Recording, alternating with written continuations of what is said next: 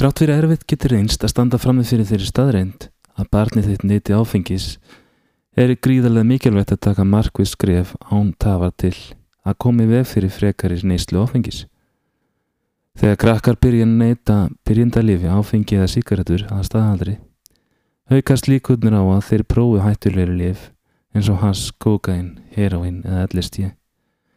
Ekki óttast að taka rótaka afstöðu með því að fylgjast með félagskap eða aðþreyinga vennjum barstins en umfram allt skaltu gæta að hvað býr að baki hefðuninni.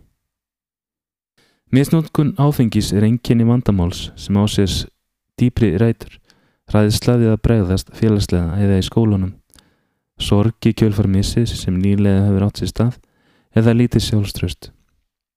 Lítu heitir umverulega vandamál alveglegum augum og leitaði þér hjálpar, fagmanns, í viðkomandi máli sem varða barnið þitt.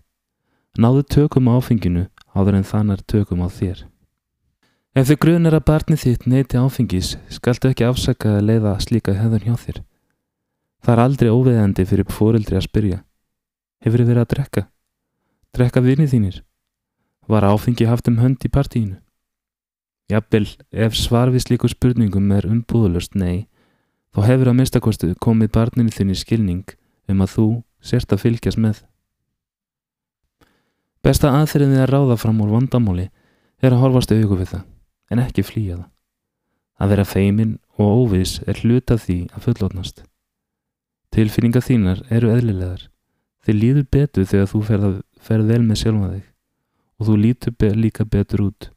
Að hafa stjórn á sjálfum sér er flott.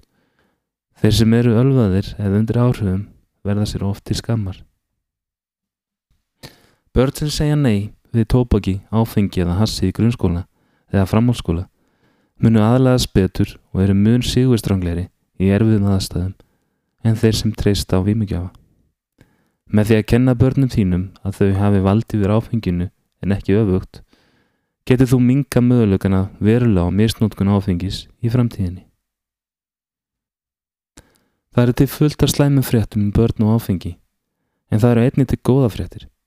Rannsókn sem gerðvar leti ljós að þegar stuðningur er ríkur millir fóruldra og húnlinga eru munminni líkur á því að börnin kjósi sér áhættu sama hegðun. Ef þú kynni þér þau málefni sem tengjast áfengi og ræðiði barnið þitt, getur þú minka líkurnir á því að barnið þitt drekki í framtíðinni. Eins erfitt og það kann að vera að tala við börnum áfengi og výmiðafni er nöðsilegt að slíkar umröður eigir sér stað. Vegna þess hver samfærandi áhrif áfengisneinsla hefur á fólk er vel líklegt að barnið þitt í saglisi sínu taki upp umræðafni um áfengi laungu áður en þú fer að tala um það. Vertu fyrir til og frættu það áður en það verður um seinan.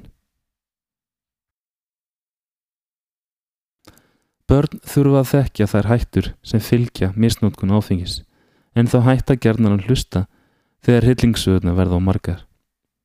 Í raun virðast neikvað skilaböð frá fóruldrum varðandi áfengi ítu undir uppreist. Rannsókn sem gerð var Liti ljós að viðtekundur neikværa skilabóða er varða áfengi varu mun líklegri til að neita áfengis en þeir sem fengu jákvæð skilabóð.